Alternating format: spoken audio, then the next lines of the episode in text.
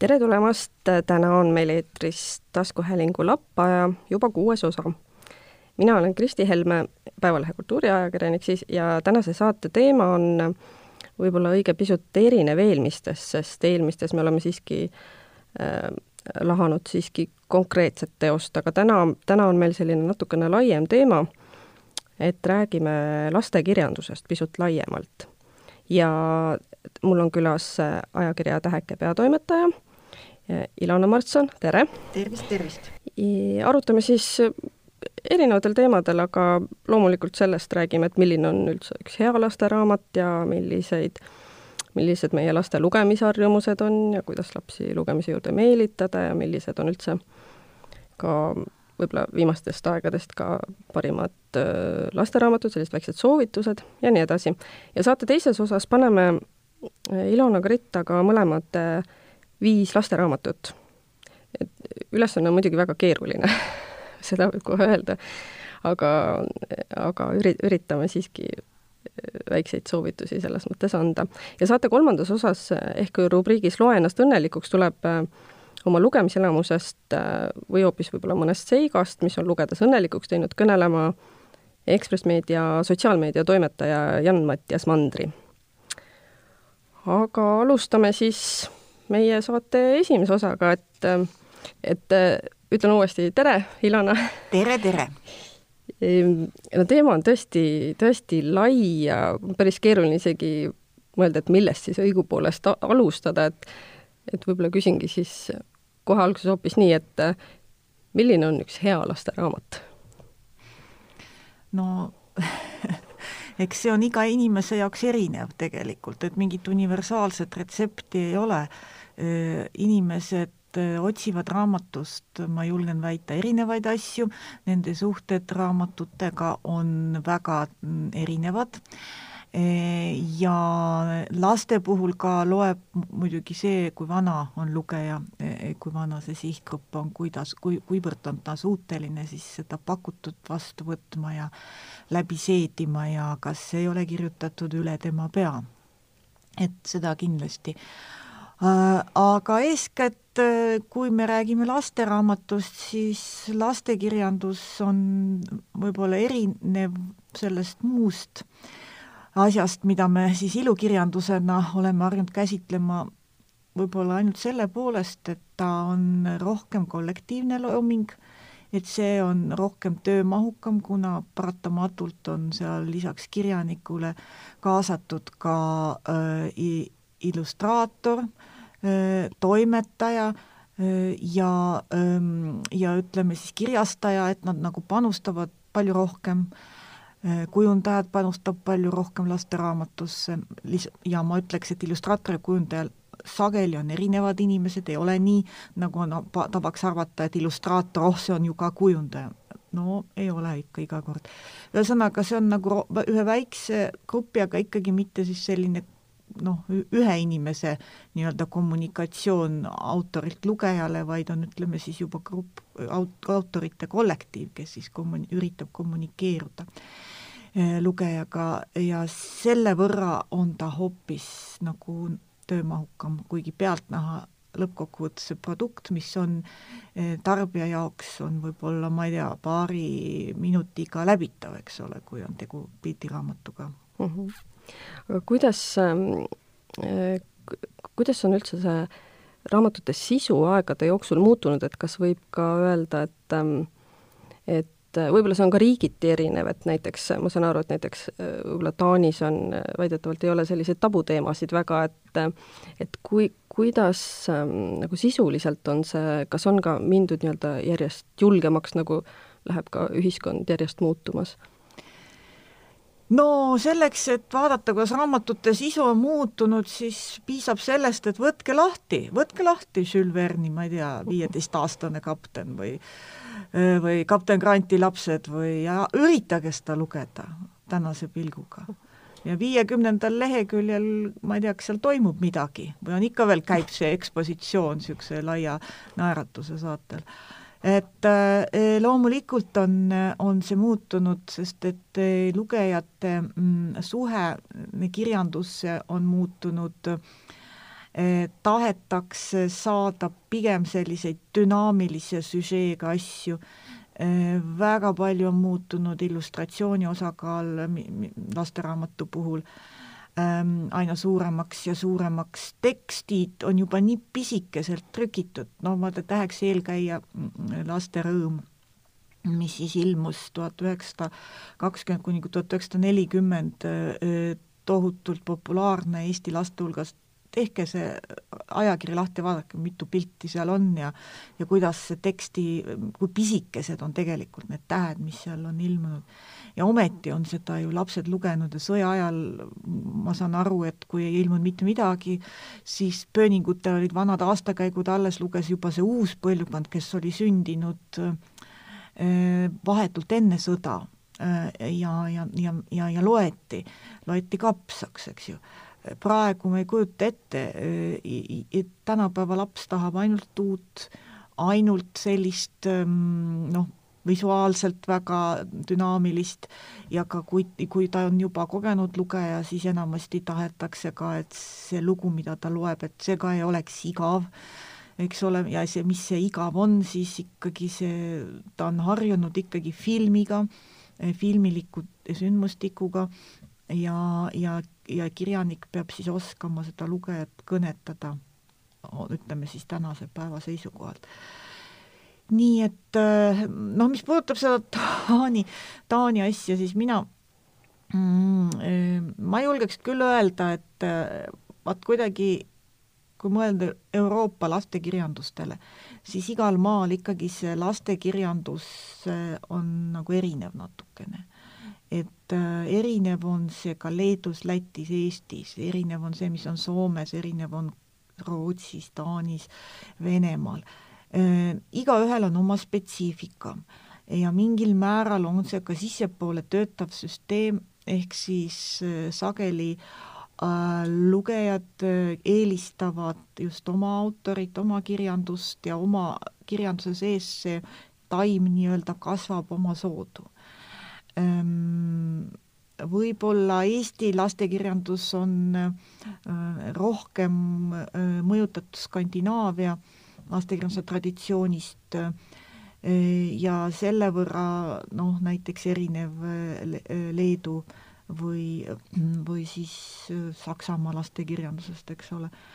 jah, samal ajal Mm, on ka muidugi ka see väga selgelt näha, et eh, Skandinaavia riigid ise ei tunne Eesti lastekirjanduse vastu üleüldse mitte mingit huvi. Mm.. ehk siis eh, meie võime küll siin lõputult eh, tõlkida soomlasi, ehm, taanlasi, rootslasi, mõnevõrra ka norrakaid, aga noh, et nei-, et nendel oleks nagu mingigi huvi selle vastu, mis laste, Eesti lastekirjanduses toimub ei ole nagu märgata. Äh, nii et jah, seal on mingisugused nähtamatud jõujooned, mis, mis, mis toimivad, jah. aga mil-, millistes riikides on natuke suurem huvi, et kuhu, kuhu on saanud Eesti natuke oma kirjandust suunata tõlkimisse? No eeskätt on see Läti muidugi mm, -hmm. et, et Eesti, Eesti lastekirjanduse välisturg on Lätis. mingil, mingil müstilisel põhjusel ei, tea, ei saa arugi, miks, eks ju. samal ajal vastupidisel suunal, nagu see asi nagu Läti lastekirjandus Eestis nii väga levinud ei ole, kuigi nüüd just sellel hooajal ilmus nüüd see lätlaste hitt raamat, mis on juba tõlgitud kahekümne viide keelde, Anette Meeletse kiosk. Äh, ja see on siis ka nüüd ütleme siis lätlaste, lastekirjanduse visiitkaart olnud äh, mujal maailmas.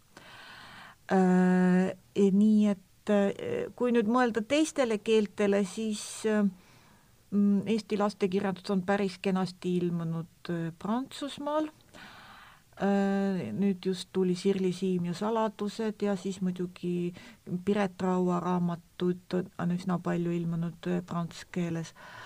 Äh, on noh, Piret Raud ongi nagu kõige noh, välisekspordi mõttes kõige rohkem tõlkeid omav lastekirjanik kindlasti, tema asjad, asjad on ilmunud ka Itaalias, Jaapanis ja Inglismaal ja noh, mõned raamatud siis ka needsamad paralleelväljaandena Ameerikas. et, et, et sedapidi on läinud, noh, ma muidugi ei räägi siin sellest vene keelde tõlkimisest, mis on tehtud nagu nii-öelda siseturu jaoks ehk vene lastele Eestis mm.. aga millest muidu võib see Põhjamaade leige huvi olla tingitud, et kas seal on nende endiga mingid eelarvamused siin veel vanadest aegadest jäänud? No vot, ei oska öelda. Jah, ma usun küll, et need on need eelarvamused mm., sest mis see muu mõjutab mm. ju inimesi noh, ma ei saa öelda, noh, soomlased on mõnevõrra siiski ju tõlkinud, eks ole, Kaka ja Kevadet võtsid noh, on, on siis tõlgitud paar eh, Andrus Kivirähki novelle eh, lastele, mis on algselt ilmunud Tähekeses, mm, kusjuures siis soome keeles need raamatud ei kanna sugugi mitte originaali pealkirja, ehk siis seal on hoopis mingid muud sõnamängud. Ja, ja siis on noh, Mika Keraneni on tõlgitud soome keel noh, Mika ise soomlane, eks, aga, aga ütleme jah, ma arvan küll, et see on ikkagi selline mm,, et arvatakse, et miks peaks, eks ole, ja, ja noh, kõik, kõik need igasugused asjad, miks ei, nii edasi.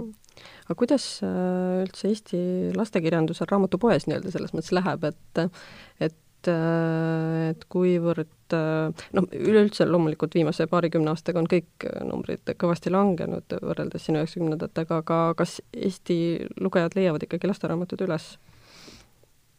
Mm, tähendab, üheksakümnendatel oli lastekirjanduses situatsioon ikka nii halb, et äh, ma ütleks küll, et praeguse seisuga on nagu öö ja päev, et et, et pigem mina näen seda, et ähm, just sisulises mõttes? noh uh -huh., jah, jah, ei, sisulises ka, aga, aga ka üleüldse illustratsioonide mõttes uh, -huh. tehnilise kvaliteedi uh -huh. mõttes, kujunduslikus plaanis, lugeeelistuste mõttes, et lugeja on läinud palju-palju noh, ütleme siis äh, vastuvõtlikumaks et üheksakümnendatel müüs ikkagi eeskätt Disney stuudio mm. multifilmide, eks ole, raamatu variant, eks ju, pluss siis mõned äh, hittraamatud, nagu siin Edgar Valteri Poku raamat, eks ju, ja ja nii, siis, äh, siis, siis nüüd jah, taevakene on, on palju, kõik palju rikkalikum.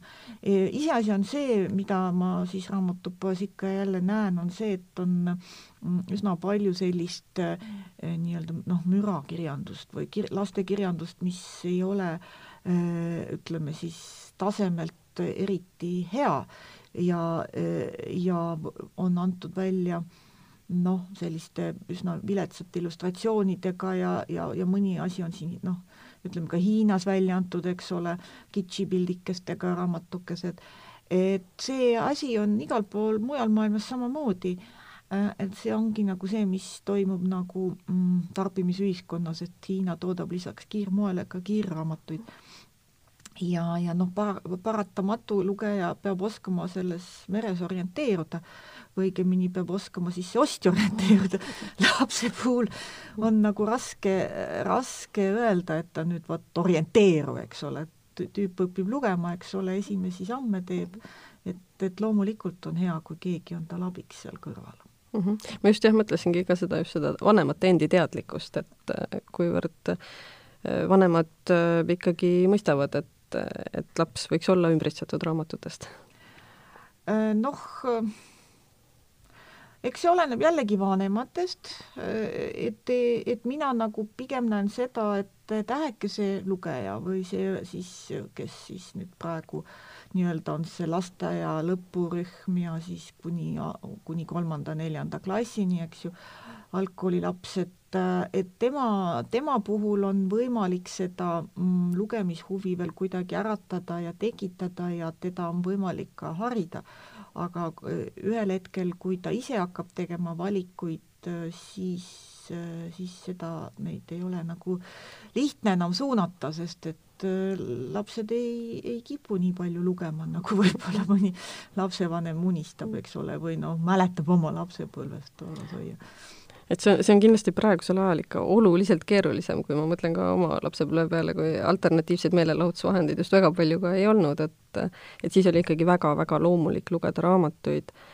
et, et ma küll tahaks uskuda, et et me nii-öelda olukorda lootusetuks praegu kindlasti ka veel ei peaks pidama no mida me, ma arvan, tuleb ikkagi silmas pidada, on see, et see kommunikatiivne foon või see, see informatsiooniväli, mille sees tänapäeva laps elab, on hoopis teistsugune kui siis, kui meie kõik väikesed olime, eks ole. Et, et see on ikkagi tänu moodsatele tehnilistele vidinatele, tänu sotsiaalmeediale, tänu internetile väga palju muutunud ja muutunud on just nimelt selles valguses, et see tempo, see mm, informatsiooni tarbimise tempo on hoopis noh, kiiremaks läinud. ja kui me õpetame last lugema või kui laps õpib lugema, siis paratamatult ta peab selle tempo nagu ju noh, ütleme alla, alla vajutama, eks ole. ta peab maha istuma ja ta peab selle teksti, tekstiga nagu omaette jääma ja üritama sealt nagu midagi saada. ja see ärritab teda. et noh, ta tahab ruttu, aga see ei tule välja. ja vot, ja vot see on nagu see, mis, mis on, mille, mille puhul tuleb varuda kannatlikkust ja mille puhul nagu ei tohi võrrelda üleüldse sellega, mis toimus siis tema, meie lapsepõlves mm. Et meil oli hoopis teine olukord. ja samamoodi ma julgeks ka väita, kuigi me siin paneme neid raamatuid ritta tulevikus, eks ole, millised on meie mm -hmm. nii-öelda lemmikud, siis tegelikult ikkagi on väga selge, et tänapäeva lapse lemmikud on hoopis teised ja me ei saa nagu lähtuda sellest, et nüüd meie lemmikud on siis lapse lemmikud ka automaatselt et reeglina noh, ütleme siis mõnikord õnnestub, see on suur võit, kui õnnestub äh, leida raamat, mis meeldis sulle lapsena, mis meeldib ka sinu lapsele. aga kui, kui suur osakaal nüüd sellel kõigel, ütleme, lapse lugema õpetamisel ja selle huvi püsima jäämisel on ikkagi koolil või on see eeskätt ikkagi koduülesanne? noh, ma arvan, et äh, need kaks peaks olema mõlemad nagu mõlemad nagu aktiivsed, nii kool kui ka kodu. no kooli puhul on ju see, et see on sundus. ehk siis eh, isegi kõige parem raamat eh, sunduse mm, tulemusel muutub vastumeelseks ja noh, ma olen siin vaadanud, kuidas eh, lapsed siis kohustuslikku kirjandust loevad, eks ole, kui tuleb lugemiskontroll, siis sageli näiteks ja jäetakse see raamat viimaseks hetkeks lihtsalt sellepärast, et lugemiskontrollis muidu läheb meelest ära. et need kontrollid on nii eksaktsed, eks ole, et kuidas ta siis nüüd siis, ta ei mäleta võib-olla enam seda raamatut, kui see on kaks nädalat tagasi läbi loetud. ja, ja siis on see viimase hetke asi, et ei, siis ta ei jõua ja siis ta otsib palavikuliselt mingeid sisukokkuvõtteid. et äh, minu meelest äh, see, mille peale võiks nagu mõelda lapsevanem, on see, et milleks üldse siis see inimene peaks neid raamatuid lugema või mis, mis, miks miks üldse lugeda raamatut. et seletada või üritada nagu selgeks teha, et see raamat ähm, ei ole noh, tänapäeval eriti, eks ole, ta ei ole ju mingi kasvatuslik produkt, eks ole, et sa nüüd eh, tee nii, ära tee nii, et ehk siis didaktiline lastekirjandus jääb ikka minevikku.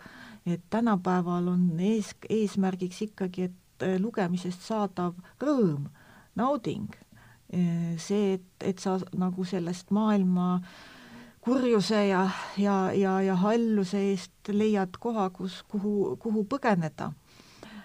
Kui leida mingisugust rõõmu, mida tavaelust võib-olla ei ole võimalik sellisel kujul leida.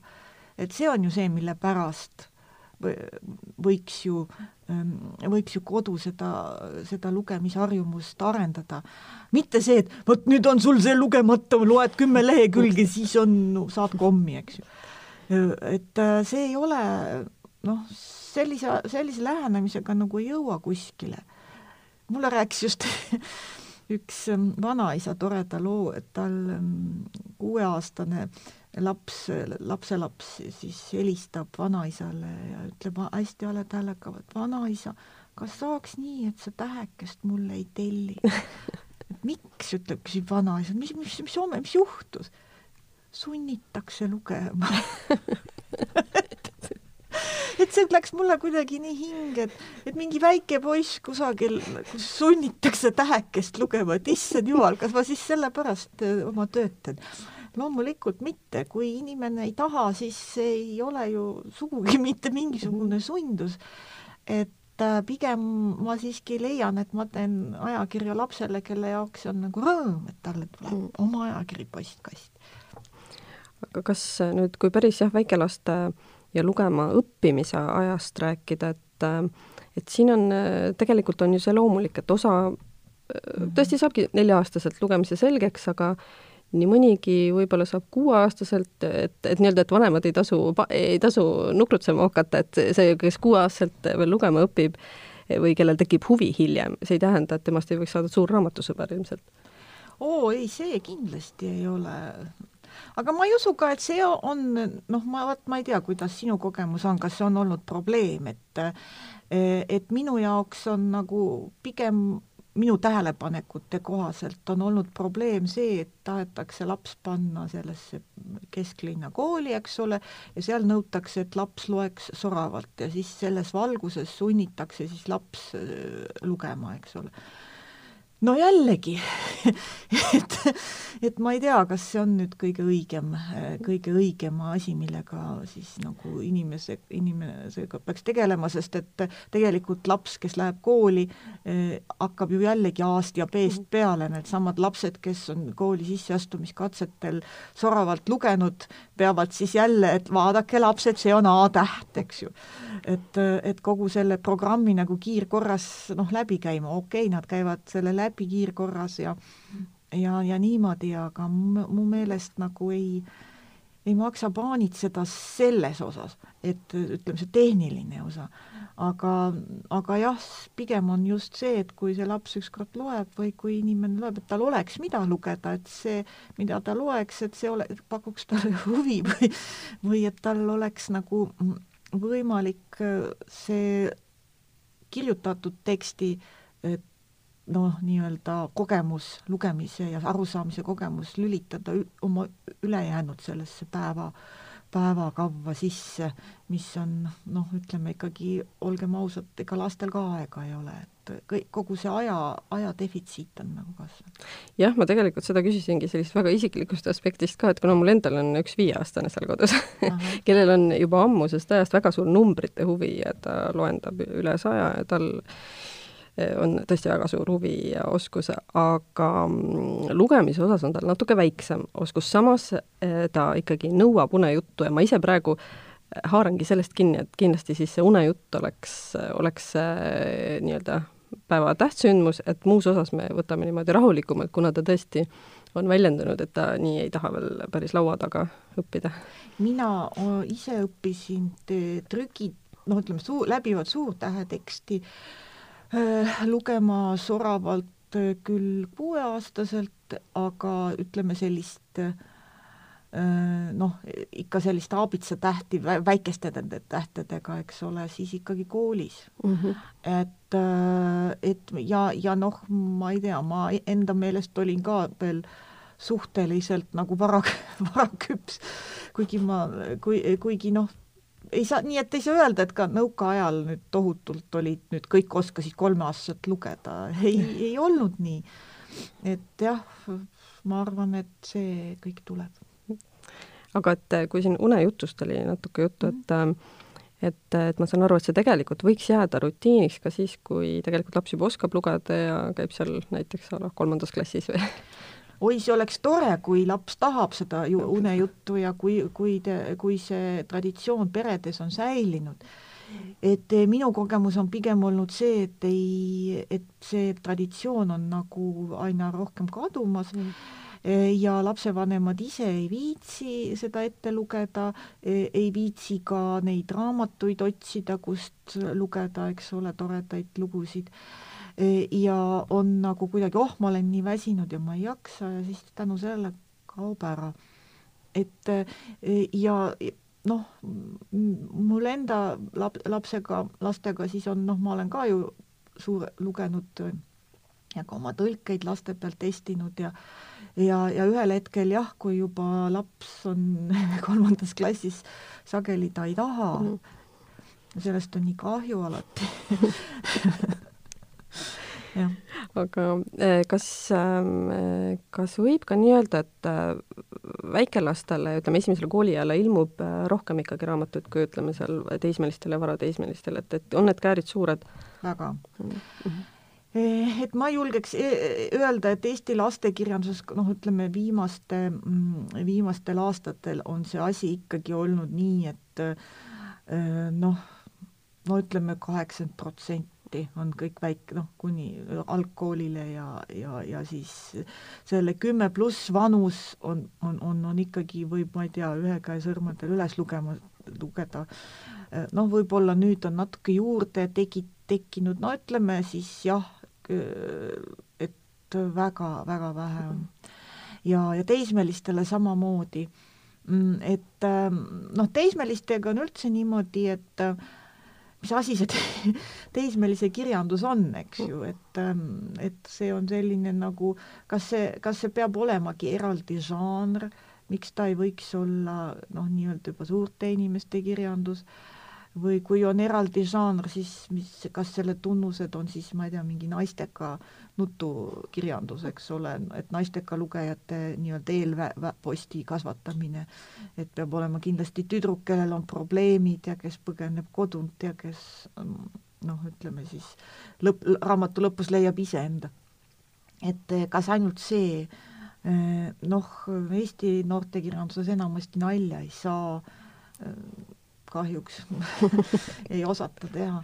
et see on nagu natukene nagu selline noh, nii ja naa, eks ole, et äh, ma leian, et pigem olgu siis need äh, tõlkeraamatud mm, -hmm. mis on nagu hästi tõlgitud ja mis, millel oleks nagu rohkem seda sisu kui see, et nüüd Eesti autor punnitab mingi järjekordse mm, -hmm. mis tegelikult on selline üsna noh, ütleme banaalne kas nendest on muidu midagi head viimasest ajast soovitada? Äh, noorte raamat, ma ei ole ise selline spetsialist, kes mhm. võiks nüüd öelda, et äh, hakake nüüd seda või teist lugema äh,. aga mulle tundub küll, et väga ei soovitaks jah mm.. tähendab sellist, mis oleks nüüd viimase kolme aasta jooksul.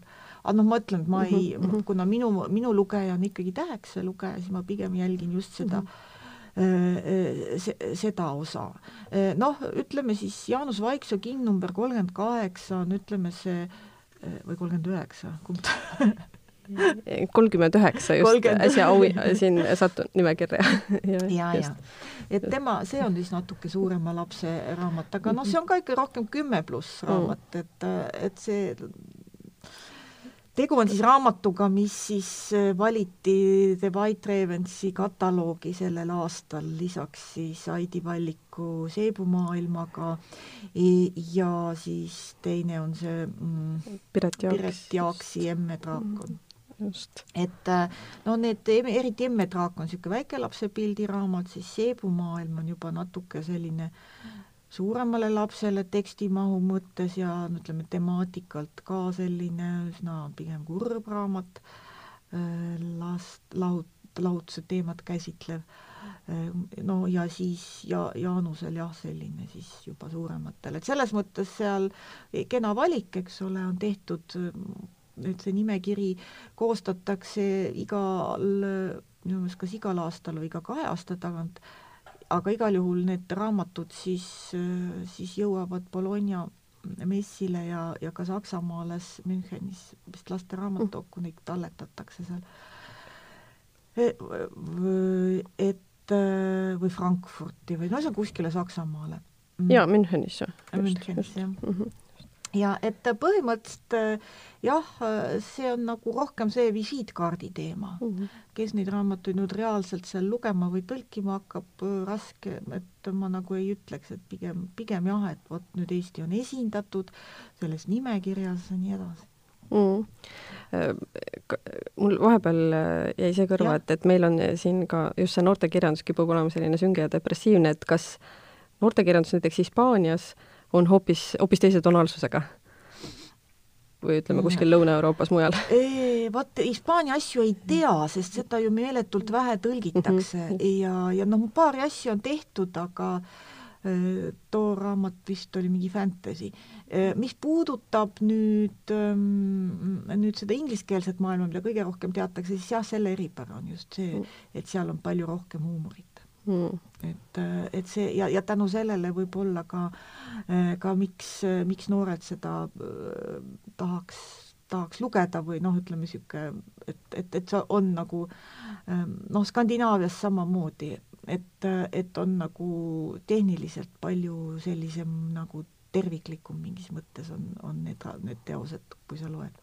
Muidugi on, eks me peame ju lähtuma sellest, et tõlkija teeb alati valiku uh, -huh. et kindlasti on, on see ingliskeelses maailmas samamoodi igasuguseid imelikke, eks ole, aga noh, neid lihtsalt ei tõlgita siis aga et kas see noortekirjanduse, ütleme just Eestis, et noortekirjandust nii vähe kirjutatakse, et kas siis natukene autorid nagu kardavad seda rasket sihtgruppi? et kas neid peetakse selleks kõige raskemaks sihtgrupiks mõnes mõttes? ei, ei, ma ei usu, et äh, pigem on nagu see, et et on teatud hulk autoreid, kes siiski neid noorteraamatuid kirjutavad, enamasti on naised, eks ju. Mm.. Äh, äh, aga noh, ma ei usu, et nüüd see oleks nüüd, et oleks mingisugune raske, et pigem see noorteraamatu kirjutamine on ju, no või ütleme, paksu raamatu kirjutamine on palju vaevarikkam kui ju väikese loo kirjutamine. et neid väikesi lugusid võib ju autor kirjutada, ma ei tea, no päris, päris mitu, eks ole, et ta ju ei, ei võta talt nii palju aega, energiat ja, ja ütleme siis tehniliselt ei ole nii keerukas.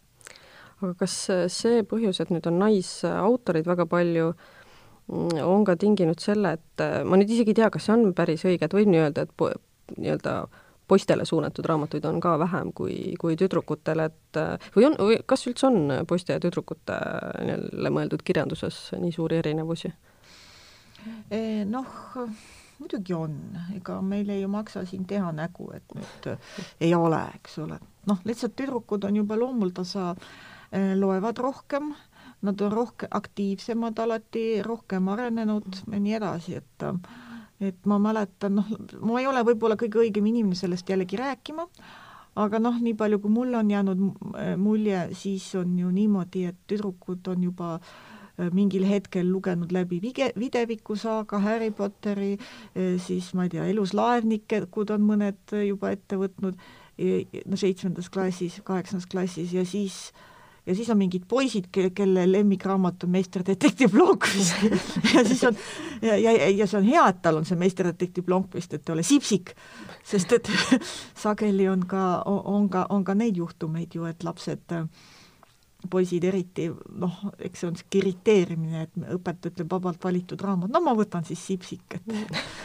et ähm, jah, et jah. ja ma, ma ise sellega puutusin küll kokku, et alles üsna hiljuti, kui hakkasin oma suurt lemmikut Pullerbi lapsi oma viiasele pojale lugema ja siis avastasin nördimusega teda üldse ei huvita ja siis ma jäin mõtlema, et võib-olla tõesti viieaastast poisti ei huvita see Liisa oma toa saamise saaga ja, ja nii edasi. et eh, on küll ka raamatuid jah, mis teda huvitavad, aga siis, siis ma jäin nagu esimest korda nagu mõtlema sellele erinevusele, et ilmselt tõesti noh, näiteks Pullerbi lapsed on selgelt nii-öelda tüdrukute raamat või mulle tundub noh, see oleneb tegelikult, et on, on ka poisse, kes, kes on selle siiski läbi lugenud ja peab ütlema, et et mõnedele on täitsa meeldinud. E, ühesõnaga e, ilmus siis e, Benjamin Shaw'i ja Davide Gali raamat Ma jäin ma jäin kooli miks ma kooli hiljaks jäin. ja, ja seal on tõesti nii, et on nagu pilt, ja, ja siis teine oli, et miks mu, kuidas mu töö, miks mu tööd tegemata on, eks ole. ja siis pilt ja all on nüüd üks lause, eks ole, et äh, ma jäin kooli hiljaks, sest vaatasin tantsivat naabrit mind ründasid tulnukad või midagi sellist. et erinevad vabandused, miks laps kooli hiljaks jääb või miks tal kodutööd tegemata on ja ja hämmastav küll, aga noh, tõesti mõtle, mis asi see siis nii väga on aga see kõnetas nagu nii meeletult äh, täheksa lugejaid, sest et see oli just see elu, mida nad elavad, eks ju. Äh, seal nagu üldse ei olnudki seda hetke, et, et kas nüüd poiste või tüdrukute raamat. et mingit, mingi, mingi elu on ju ühine mm,. aga mis puudutab jah, siis sellist äh, valikut, siis on ka kuidagi noh, mulle jäänud tunne, tähendab mitte mul endal, mul on kuidagi teistmoodi olnud, aga aga vähemalt kuidagi keskeltläbi on ikka nii, et tüdrukute lemmikraamat lapsena oli Pipi Pikksukk ja poistel oli Karlsson katus. Et, et, et, et kuidagi niimoodi on, et ka täna, ka ütleme, suured inimesed hakkavad rääkima kuidagi, siis tuleb jutu seest välja. et, et nii, et jah, ma arvan, et need käärid on olnud kogu aeg sellised et ma ise tõlkijana eelistan niisugust huligaanlikku lastekirjandust, et minu maitse on natuke rajum et selles mõttes võib-olla ma kaldun just sinna poiste poole natuke rohkem. aga, aga kui nagu lapsepõlvele ka tagasi mõelda, siis äh, mulle nagu meeldisid mõlemad või? Ma ei oska öelda. Aga mm, kui, noh, seda nüüd ei saa otseselt kindlasti mitte poistele suunatuks mm rohkem lugeda, aga vahepeal mulle tundus, oli selline isegi väike buum sellistest lastele mõeldud krimiraamatutest, näiteks siin Ilmar Tomuskil ilmus neid äh, päris äh, mitmeid, et kas, kas see isegi pea, võis seda isegi selliseks kergeks laine, laineks lugeda mm,? Tähendab, Mika Keränen alustas Just. seda liini ja, ja, ja tegelikult ilmselt Migal oli silme ees oma lapsepõlves loetud just Soome lastekrinkad.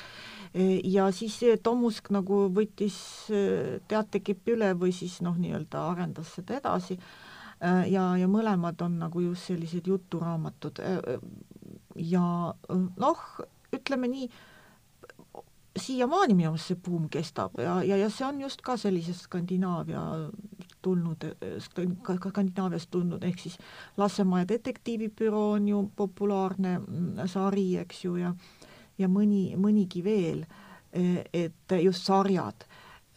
ja, ja selles mõttes ma julgeks küll väita, et et noh, see on jällegi selline jutu jutukirjandus või noh, see osa, mis siis nagu võiks olla just, mis, mis tekitab seda lugemise harjumust või ütleme, selline nagu leib, mis ei lõpe iial otsa, eks ole.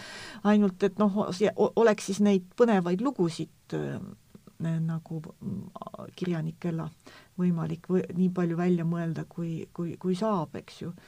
Et äh, minu jaoks nagu sageli ei ole need lood eriti põnevad, ütleme, Mr Detective Blanc vist oli põnev, ma mhm. ütlen, et see oli ikka selline mm, nagu, nagu, nagu alg see, aga noh, samas eks see on jällegi, erinevad lugejad vaatavad asja erineva pilguga mm. -hmm. aga et äh, krimikirjandus iseenesest muidugi ka täiskasvanute seas on, mulle tundub ikkagi päris populaarne, et, et võib-olla siin on jah, see, see nii-öelda samm, et et, et siis neid vanemaid, keda huvitab ennast krimikirjandus, et siis võiksid nad selle abil ka äh, lapsele, lapse nii-öelda lugema tuua?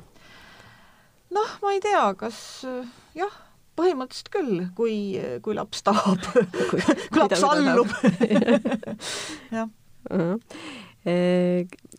kas, võib-olla see mulle jällegi tundub nii, aga kas võib öelda, et et lastekirjanduses kipub vahel olema nii, et et isad on need pehmemad ja emad on sellised kuidagi karmimad ja konkreetsemad või on see nii ja miks see on nii?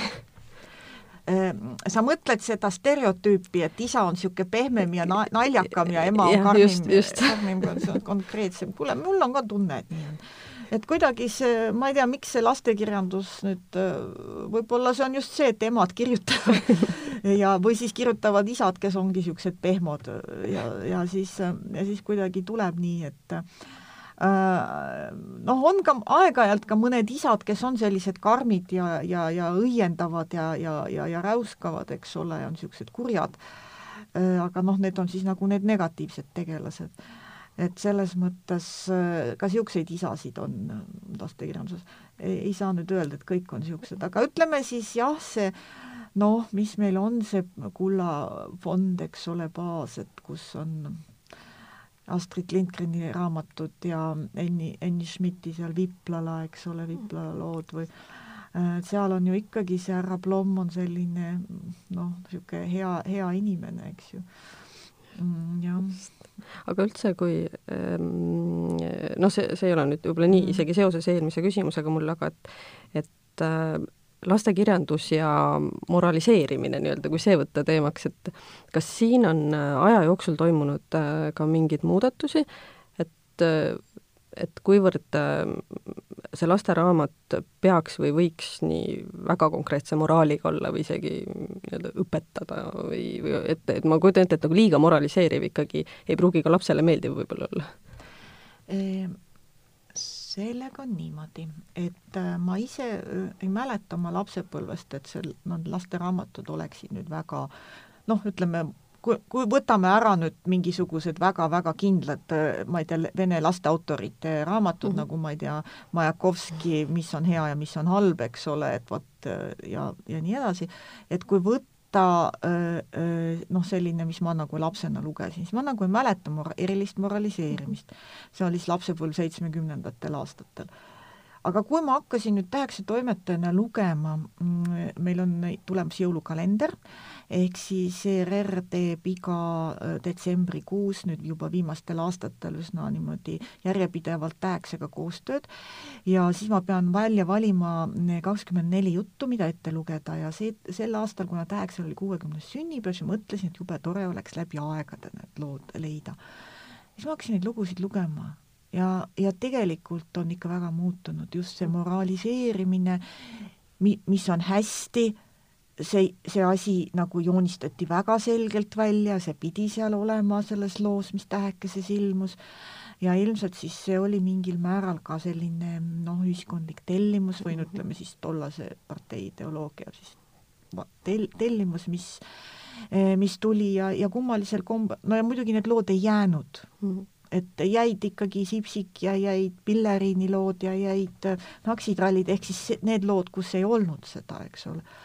Ehm, aga mm, teistpidi, äh, kui vaadata praegust lastekirjandust, siis minu meelest ülemaailmselt on see paradigma muutunud ja just nimelt sellest siis äh, moralis-, didaktikast pigem läinud protektsionism üle, ehk siis üritatakse kujutada võimalikult turvalist maailma, eh, võimalikult vägivallavaba maailma, eh, kõik peab olema süksiidikinnastega, no selleni välja, et punamütsikese jutt, eks ole, no need klassikalised muinasjutud, kus on õudsed asjad mm., need nuditakse ära mm. või kirjutatakse uus versioon, mis, kus pööratakse naljaks, eks ole, mingisugused sellised karmimad kohad ehk siis mul on tunne, et ja, ja mida eda-, aeg edasi, seda rohkem me liigume nagu sinna suunda.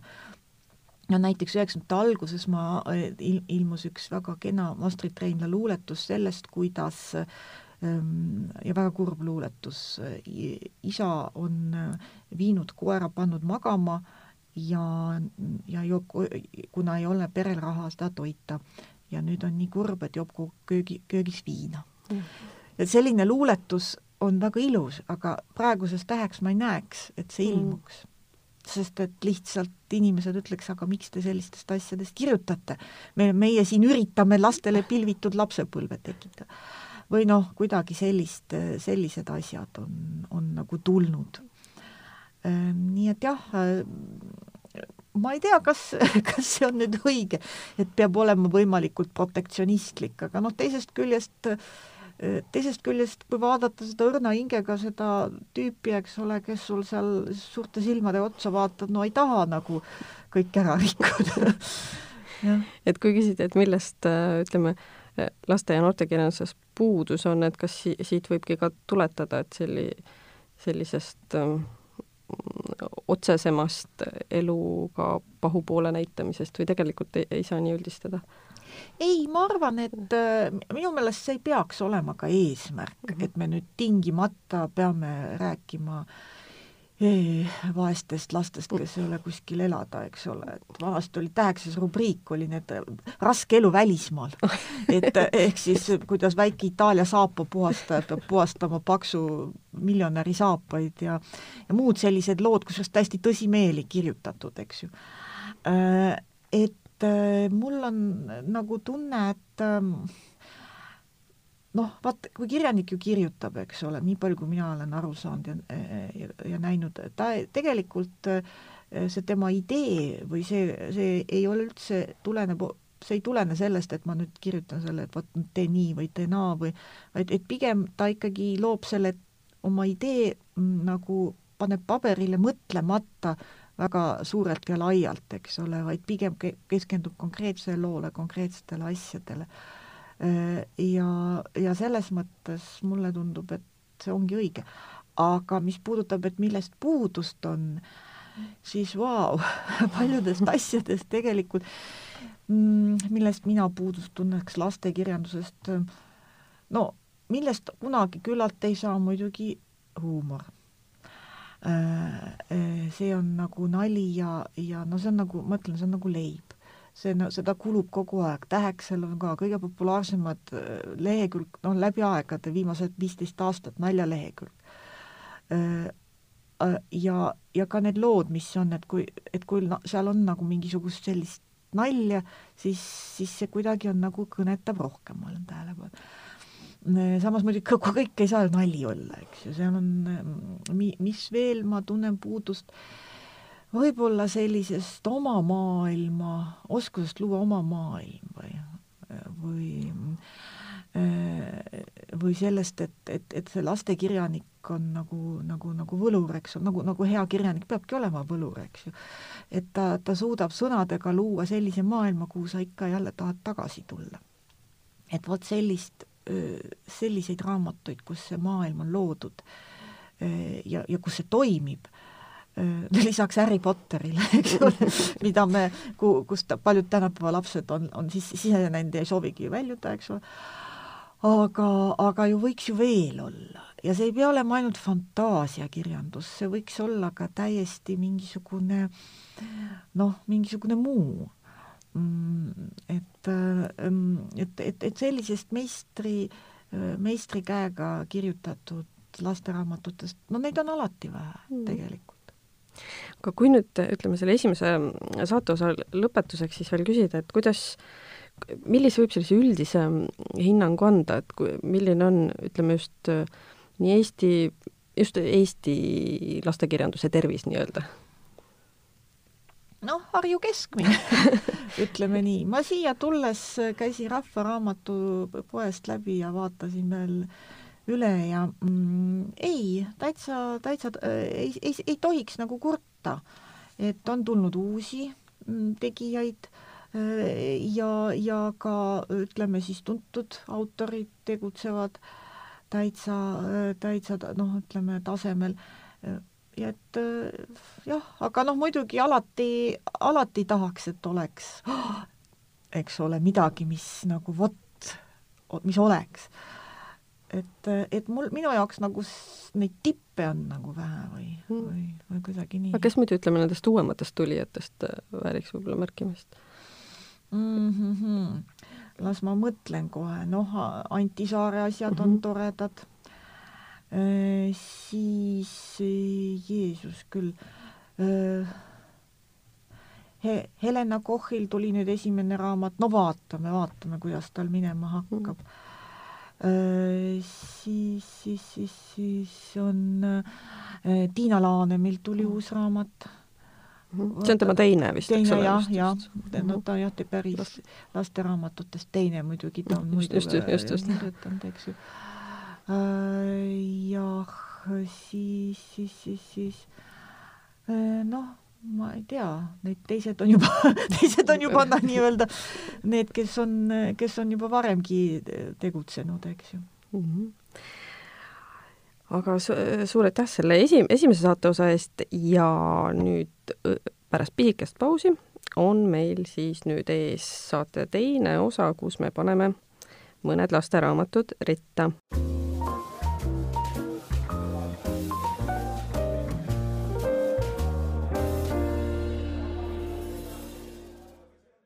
nii, ja tere tulemast tagasi meie raamatu podcasti Lappaja kuulama. nüüd on meil siin äh, selline ülesanne, mis on tegelikult loomulikult väga keeruline, nimelt me soovitame siis mõlemad Ilonaga viit lasteraamatut või no ma ei tea isegi, kas on õige öelda soovitame, aga anname siis teada, millised on meie äh, ka juba kaugemas minevikus meid võib-olla veidi mõjutanud äh, lasteraamatud, mida kindlasti noh, ühtlasi me ju ka soovitame. nii et eh, Ilona, alusta siis sina, et mis, mis sinul nii-öelda viiendal kohal võiks olla? Või siis ükskõik, nad võivad ka olla lihtsalt viis tükki järjest. Jaa, kui ma nüüd äh, mõtlen, ma mõtlesin nagu, et ma soovitaks eeskätt äh, tõlke lastekirjandust mm, -hmm. sellepärast et äh, need tõlkijad, kes on äh, nagu, et, et nende tõlkijate tööd väärtustada ühest küljest ja teisest küljest ka sellepärast, et äh, mitte ühelegi täheks autorile liiga teha aga mm, siis okei okay,, alustame siis mina ei pane neid järjekorda mhm. -huh. aga äh, number ähm, üks on siis äh, äh, raamat äh,, mille kirjutanud Astrid Lindgren ja Lindgrenianast siis ma valisin välja raamatu Väike Tjorven, Pootsman ja Mooses, mis on siis minu meelest üks kõige sellisemaid äh, Lindgreni noh, ütleme võib-olla mitte kõige tuntum teos, aga kõige südamlikum ja võib-olla ka kõige äh, noh, minu jaoks nagu tähenduslikum, et mis minu, minu maailma on mõjutanud ja mõjutanud seda, kuidas ma kirjandust vastu võtan, ehk mida ma sealt otsin. ja siis just selle perekonna lugu, milles on ka ühtepidi nagu kurbust ja teistpidi rõõmu ja, ja, ja mingisuguseid suuri teemasid, mis on riie-, noh, mida on väljendatud niivõrd lihtsalt ja geniaalselt, et et seda suudab ainult, ainult suur kirjanik number kaks, eh, võtame siis eh, Ann Schmidt ja Viplala. noh, see on raamat, mis on ilmselt Eestis palju populaarsem, kui on Hollandis Eh, kus on paljud hoopis teised Ain Schmidti teosed on eh, esi-, inimeste mällu jäänud, aga Eestis eh, isegi vist raske on seletada seda fenomeni. ilmselt ikkagi Vladimir Beekmani tõlge on, on see, mis on selle asja teinud nii võrratult maitsvaks ja ja, ja huvitavaks ja põnevaks. Number kolm on Otfried Preutzleri Krabat. Äh, mis õpetas mind, mm, vähemalt see lugu on räägitud siis sellisena, kus on põimunud maagia äh, ja tunded, äh, see on muinasjutt, mis noh, muinasjutt armastusest, mis on mis võimaldab muuta peategelaste saatust. Ja kõik need asjad koos tekitasid niisugusest teismelisest tüdrukust tohutu niisuguse mälestuse äh, Äh, siis äh, loomulikult äh, kuulsa Robin Hoodi lustakad seiklused, mis tänu Joel Sange, Sanga tõlkele ähm, tõi kuidagi meelde kauni, kauni Inglismaa keskaja selles hiilguses. Ja, ja see on nagu raamat sõprusest ja õnnest ja lihtsalt sellistest ähm, vanadest lugulauludest nii, nagu nad võiks olla minu jaoks räägitud. ja mida sageli ei ole, kui me loeme folkloorikogumikke. Äh, ja, ja siis vist viimane on äh, muidugi Tuve Jansoni raamat äh, trollitalv, õigemini noh, Muumitroll, see sinise-kaaneline Muumitroll jällegi Beekmani tõlge juba sellise raamatuna oli selline, mis Äh, mis, mida ikka jälle aeg-ajalt, ma mäletan, see oli mul maal ja siis ma nagu lugesin seda iga kord, kui ma maale läksin, nii et see seostub mul selliste hoid-, hoiule pandud õunalõhna, lõhnad külmas vanas talumajas et on selle raamatu lõhn täiesti raudselt. Äh, ja, ja, ja noh, Tuve Jansson üldse on olnud suur kirjanik, äh, kes on suutnud ähm, kõnetada nii lapsi, kui ka täiskasvanuid ja pigem isegi võib-olla rohkem täiskasvanuid. Nii. aga suur, suur aitäh, et ähm, ma ise, ise panin siia äh, valdavalt ka mitte kõige uuemaid raamatuid, küll on mul siin üks äh, päris uus, mis on mõneti võib-olla üllatav, aga ma tahaks sellest lihtsalt sellepärast rääkida, et tegemist on Ene Ergma raamatuga Kosmos, küsimu-, küsimused ja vastused maailma ruumist, ruumist huvitatud lapsele. et et äh, mina, kes ma siin olen igasuguseid asju üritanud lapsele ette lugeda ja huvi on olnud äh, selline keskmine, siis hämmastaval kombel raamat, kus iga, igas teises lauses on mõni sõna, mida mul endalgi on raske kokku hääldada on osutunud äh, talle suureks lemmikuks. et, et lihtsalt ma soovitan seda ka proovida, et et väikelastel võib olla täiesti hämmastav huvi kosmose ja maailmaruumi vastu, mis oli võib-olla mulle, mulle mõneti üllatav, ma avastasin selle tegelikult nii, et veidi enne, kui Tenet jõudis Eesti kinodesse, siis ma vaatasin Christopher Nolani vanu filme üle ja siis on temal üks film nimega Tähtede vaheliselt ja siis ma avastasin, et laps jäi seda jälgima. Ja vaatas seda veel omavoliliselt kõik need kolm tundi uuesti üle, siis ma sain aru, et on kosmosehuvi ja ostsingi Ene Ergma raamatu.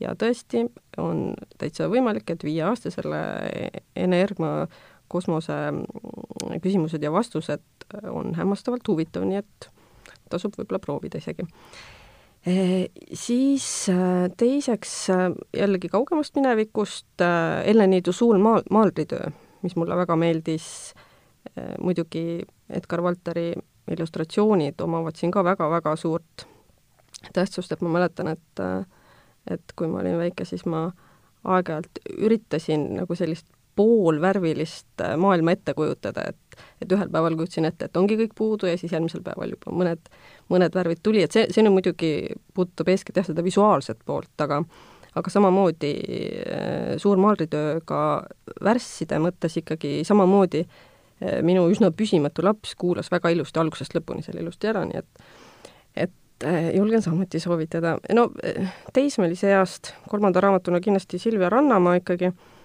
Kadri ja selle järg Kasuema, et kuigi ma pean tunnistama, et ma lugesingi seda teismelisena ehk et üsna ammu ja hiljem ma ei ole lugenud, aga, aga ma usun, et ka tänapäeva teismelisele see läheb kindlasti hinge, et see on kindlasti selles mõttes väga ajatu ja kellel nii-öelda süda sees, siis nendel kindlasti see süda saab seal murtud. E, Aino Perviku Arabella, Mererõivli tütar, oli huvitav raamat ja ma lugesin seda alati lapsepõlves siis, kui ma olin haige millegipärast. ja see mõjus kuidagi teraapiliselt, mulle, mulle ta meeldib isegi võib-olla veidi rohkem kui film, sest minu meelest raamatus on Arabella selline e, soojem natuke, et filmis ta on kuidagi külm ja kuri kohati et, et just see raamatu Arabella mulle nagu eriti meeldis. ja siis ongi jäänud Astrid Lindgren ja see Pullerbi lapsed, mis mu lapsele ei meeldi hetkel veel, võib-olla kunagi tegelikult äkki hakkab meeldima. et see on selline lapsepõlve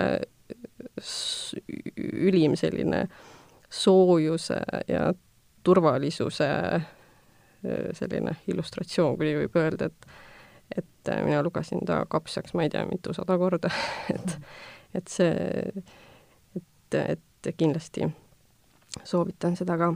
aga aitäh, Ilona, väga, väga huvitava saate eest ja aitäh. meil on, meil on veel muidu tulemas ka siis pärast väikest pausi siis rubriigis Loe ennast õnnelikuks tuleb, räägib Jan-Mattias Mandri, mis on teda teinud õnnelikuks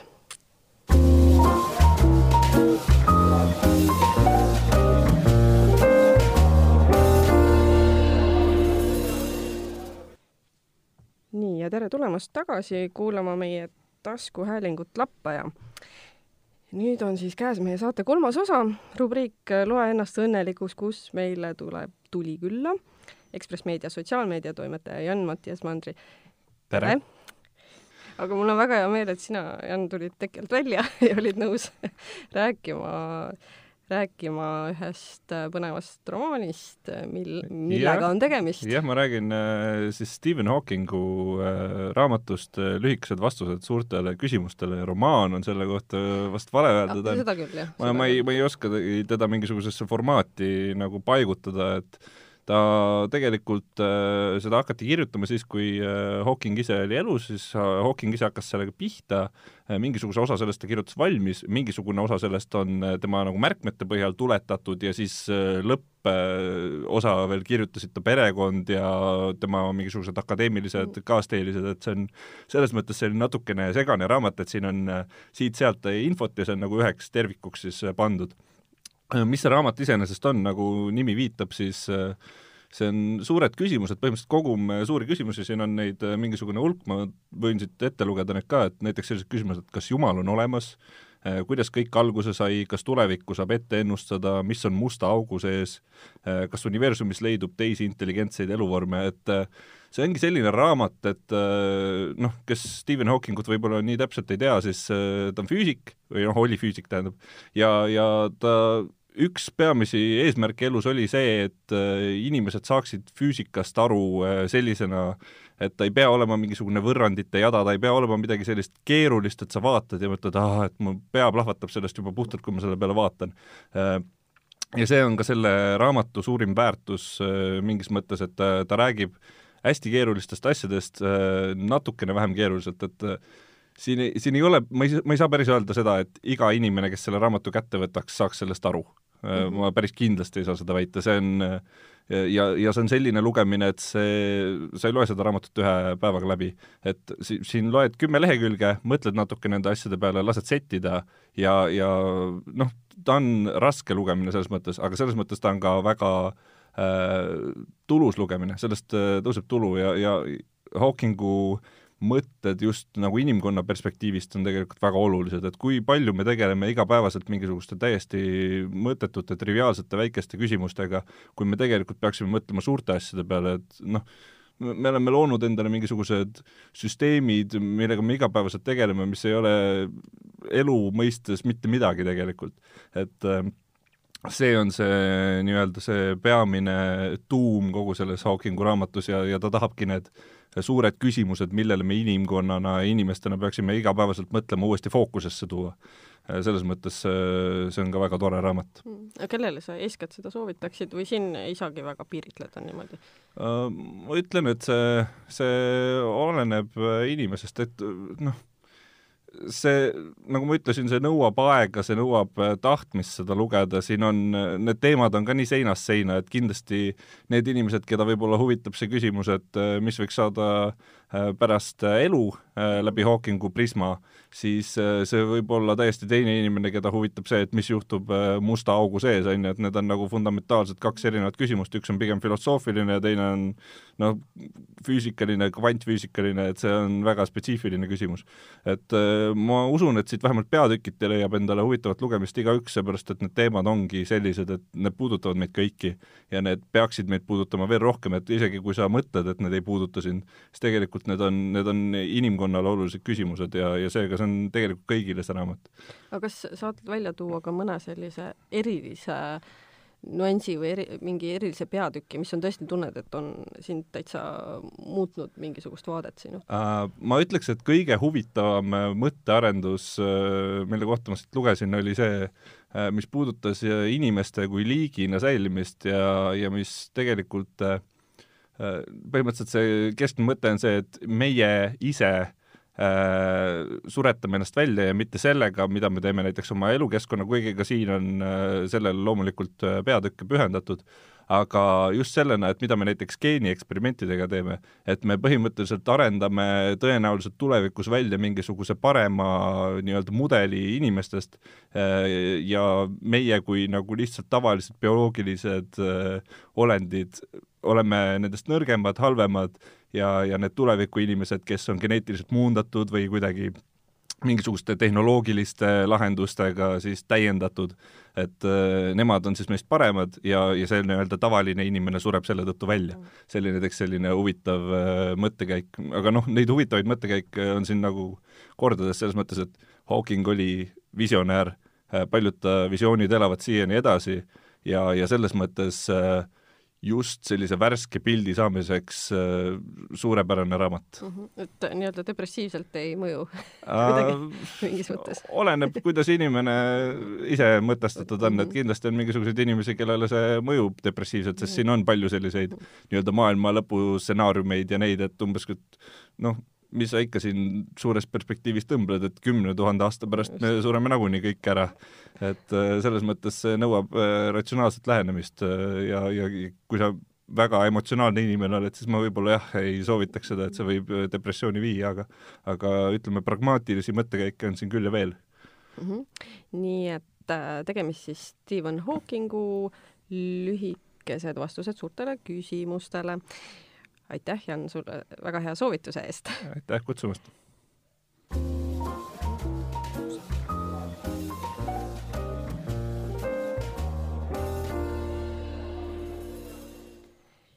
nii ongi meie tänane saade nüüd jälle läbi, et äh, lühidalt veel, et esimeses saate osas oli, esimeses ja teises oli meil siis külas ajakirja Tähek ja peatoimetaja Ilona Martson kellega me rääkisime lasteraamatutest, lastekirjandusest, kõikidest muredest ja rõõmudest, mis selle valdkonnaga on seotud. ja siis teises osas nüüd äsja Ekspress Meedia sotsiaalmeedia toimetaja Jan-Mattias Mandri. nüüd kahe nädala pärast oleme eeldatavasti siis jälle eetris, siis on juba saatejuhiks meil Keiu Virro. seniks aga head lugemist